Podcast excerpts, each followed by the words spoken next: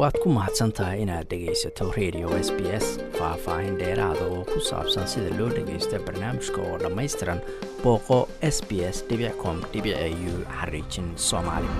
Weli waxaa socdaa gargaarka iyo gurmadka loo fidinayo dadkii dhibaatadu ka soo gaartay dabkii qabsaday suuqii weynaa ee magaalada hargeysa.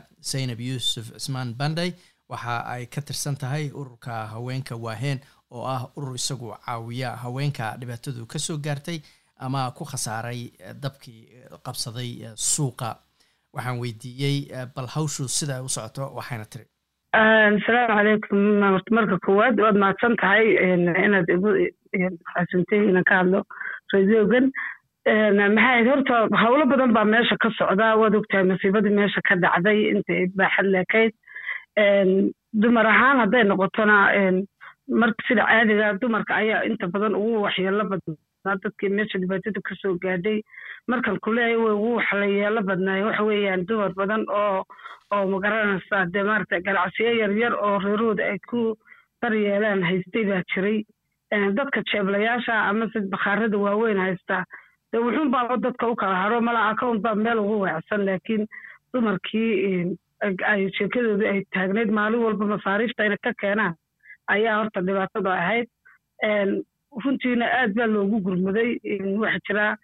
Dad ururo fara badan oo ka shaqaynaya meeshii oo ama dhalinyaro ah ama ma garanaysaa dowladdaba yani dowladda hoose iyo iyo dad ma garanaysaa volunteers iyagu istiray anagu waxaanu sameynay marka urur dumarka ah oo la yidhahdo gurmad gurmadka haweenka waaheen oo lagu talagalnay dadka dumarka specially dumarka ma garanaysaa ugu jilcsan ama se ugu maarata dhibaatada ay aada u saamaysay danyarta. Ah marka kaas ayaan imika aada hawshiisa ugu jirnaa. Dadka horraantiisii aan wax gaarsiinay waa garta marka ilaa iyo hadda imise qof baad caawiseen? Imika horta liistadeedu imika waxaan gebigeeguba wiig baanu jirnay. Liistadeedu imika lixdamey qof baanu siinay badh lacag baanu ku siinay badh qalabka. Waayo qofku marka uu wax walba ka gubtaan ee haddana uu suuquusoo tago meel uu fadhiisto iyo wuxuu harsada iyo waxba tooni ma jiraan. Marka waxaan ka fikirnay inaan marka ugu horeysa fadhiisino kursi uu ku fadhiisto iyo dallaayadii oo harkiya iyo wuxuu hortiisa dhigo haddii xataa wax yar uu kor saaro dee uu ma garanaysaa si fudud uu kaxaysan karayo ama uu ku ilaashan karo. Waayo dadku waxay fadhiyaan meel cidla ah oon har lahayn oo bacada ayay fadhiyaan. Marka waxaan caawinay ilaa imika toddobaatan qof meelaha waxaan lacag siinay waxaan qalab siinay oo facekii koowaada kii labaadna waxaan bilaabaynaa way ka soo socda. Waa garta marka guud ahaan waxa sheegtay idinkoo kale urur inaad tihiin ururo badan oo kaleo samafala inay ka shaqeeyaan meeshii dowladda dhankeeda hawsha ay ka wado hay'adahaasoo dhan ma jiraan meelo isugu yimaadaan oo hawsha meel sentara oo laga hago mise qolo walba waxay dadka u qaban karaan unbay u qabtaan? Maya runtii qolyaha horeen kuu sheegaya waxa weye marka horta masiiba dhacdo qof kastaaba reaction buu samaynaya qof marka kaco waa inuu wuxuun ku dhaqaaqa marka waxaa jira ciidan badan baa meeshii joogay debdebiskii baa joogay dad magarasa dad waxaa jira markaa markaaba istiray iyagu waxyaabaha dee ee baysigaayo loo baahaya sida raashinka sida afurka sida waxaa ka volunteerskan kuu sheegaya waa kuwa ee ka suuqa ka shaqaynaya maxay markaa way badan yihiin oo waxa weeyaan dad iyagu iscilqaamay oo afurkii iyo cashadii iyo waxaa u geynayay iyo biyihii laakiin markay noqoto waxtarka dadka la tarayo dee qof qof la soo dhigay t v-ga oo ma garanaysaa ay dadka ama facebooka la soo dhigay oo sidaa ku caawiyaan mooyaane wax ay ururo oo meel isugu yimaado meel wax ka wada qaadaa ma jirto. Annaga ayaaba ugu badan oo aad maarata u soo kordhisa tiradayada waa garta marka idinku gaar ahaan diiradda waxaad saaraysaan haweenka laakiin guud ahaan dadkii dhibaatadu gaartay dadka ugu nugul oo ugu baahida badan yaad ku tilmaami lahayd inay yihiin. Wallahi horta dadku qofba qofba horta suuqa suuqii ugu weynaa ee somaliland buu ahaa. Hargeysa suuqa ugu weyn qof kasta oo reer somaliland uu wax dhigta bay ahayd. Marka hantida ku luntay aadna way u badantay dadka ka shaqaysan jirana aad bay ugu badan u badantay. Dadka guryuhu ka gubtay waxaa laga yaabaa in gurigoodii buildingkii ka gubtay in somehow dadku dee building bay lahaayeen loo wuxuun ay ka helaan. Dad wax qofba marka anigu waxaan qabaa dadka ugu dhibaatada badan ee dhibaatada aada u saameynaysa waddanka danyarta. Dadka danyarta ah oo u baahan in la ogaado inay runtii ahaayeen dadkii meesha ku shaqaysanayay because markay tan oo kale dhacdo waxaa dhici karta dadaan markii hore ku jirin inay layska si qalada ku soo galaan oo dadkii ma garanaysaa dee suuqa ka shaqaysan jiray boosaskaba ka qaadaan marka hawshaasaa ugu badan waxaan anagu ku dadaalaynaa inaanu helno dadkii meesha runtii ka shaqaysan jiray ee danyartaa si aanu liistada ugu darno dowladda oo boosas ay u helaan. Hadhow marka dadka loo qaybinayo meelaha ganacsiga. Waa gartay isla su'aashaasaan baraba inaan ku weydiiyey dadku dadaalo badan baa adduunka oo dhan ka socda taageero badan baa dalka iyo dibaddiisaba ka socda. Marka sidee lagu xaqiijinayaa dadkii xaqa u lahaa ee meesha ka shaqaysan jiray ama ganacsiyada ku lahaa oo ay ka baaba-een in xaqoodii a helaan? Arrimahaas sidee lagu xaqiijinaya waxa horta lagu horta waxaa lagu xaqiijin karaa dadku waxa weeyaan kategoriye kala leeyihiin dad waxaa jiray dee lacag badan haystay dad waxaa jira bakhaara lahaa dad waxaa jira macdaaro dhan oo camaro iyo ma garanaysaa meherado waaweyn ku lahaa marka kategori bay leeyihiin oo guddi baa loo saarayoo qolada bacadlu ways wada yaqaanaan qolada khudradda waaweyn keentaa ways wada yaqaanaan kuwa weelku ways wada yaqaanaan.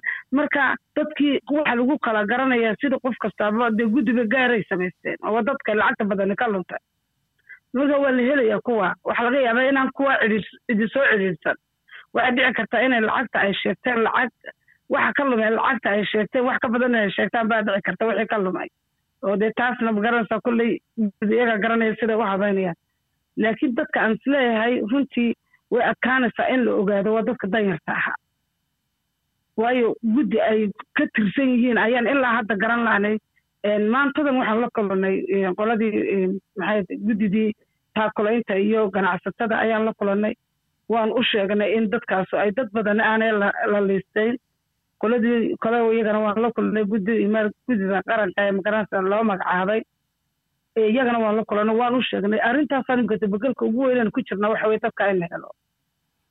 Waa gartay ururkiinan hadda aad sheegtay si gaara inaad haweenka u caawinaysaan xaggeed wax ka sugaysaan gargaarka aad dad ku caawinaysaan ma somalilan gudaheedaad maaragtay ka heshaan ma jaaliyadaha dibaddaad ka heshaan mise meelo kalead wax ka filaysaan? Horta way isku wada jiraan oo ma garanaysaa dad dibadda horta aada noogu nooga soo caawiyey way jiraan. Maxay dibaddaana inta badan anagu ifandarkayaga u badnaa.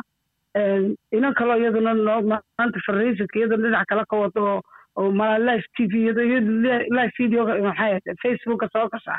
Ayaduna jirto iyaduna maaragtay iyo hablo yaryar oo dhalinyaro iyaguna sameeya. Laakiin annagu ururka iyaganu muhiimaddeedu waxa weeye wixii loogu talagalay ee loogu talagalay ee ma garanaysaa dee ama emergency fundingkii ha ahaato ama wixii dowladduba ay hadowta dadka donationka bixiyaa la siinayay ha ahaatee horta inaan u helno dadka danyartaa wuxoodii inaan u helno si aan ugu inaan iyagii horta helno liistay oon liistayno laakiin ururka yagan waxaan isleenahay maadaama aanu inkun cusubnay oo aan wax yar magaranaysa aanu jirnay dadkan imika aanu fadhikan helnay waa wax dibadda nooga yimi wax anagu gudaha yaga iska ururinay wax oon ku caawinayna dadka maaragtay danyartaa si ay bayskii u helaan. Qofku waa inuu helo kursi uu ku fadhiisto dallaayadii iyo kaariyoonayaal beenu u samaynay waa in dadka faraqabsiban qaar siinay. Waxaas oo hoose baan iminka ka shaqaynayna laakiin muhiimadda ugu weyn waxa weye dadka liiskoodii inaan helno. Waa gartay saynabey ugu dambeynta maxaad ku dhihi lahayd jaaliyadaha dibadaho idaacaddan laga yaaba inay dhegaystaan horta jaaliyadaha dibaddu waxa weeye waa horta waa iyagu qudhoodu waa lafdhabarta. Marka la eego waddanka uu ku dhisan yahay waa dadka ay ma garanaysaa hantida inta ugu badan ee waddanka soo gashaba waa dadka ay ka timaado reero badan ayaa ku tiirsan inay waddanka ma garanaysaa caawiyaan dhibaato kasta oo waddanka ka dhacdaana saameyn weyn bay iyaga ku yeelataa horta muhiimadda ugu weyn waxa weeye in mid la noqdo waa in aada loo midoobo. Iminka maanta markaanu la kulannay qoladii culimmadii iyo ganacsatadii waxay nagu yidhaahdeen dee dadkii waalta lacagtii laga ururiyey ee raggii ay qof qof kastaaba intaasoo lacaga saacad gudaheed bay ku ururiyeen sideed milyan bal idinku dumarow idinku maxaa maxaad samaynaysaan? Maxaad taraysaan ma inta yaro hoose unbaydin wadaysaan? Mise waxa weeyaan taakuladii waad samaynaysaan marka horta jaaliyadaha dibadda jooga waxa aan kula talinayaa hadday doonayaan inay dumarku midoobaan horta waa inay nala soo xidhiidhaan hadday doonayaan in ay taakulaynta toos ugu diraanna waa in ay ku xidhnaadaan jaaliyadooda oo meeshii kolba meesha joogaan lacag muuqato laga soo diro oo aan individual aan loo soo dirin inay isku tiirsanaadaan oo lacagta si weyn u soo diraan laakiin oo kale australia waxaa laga soo diray amountka intaa le ay soo urursay jaaliyadda australia somaliland saasoo kale ayaa fiican.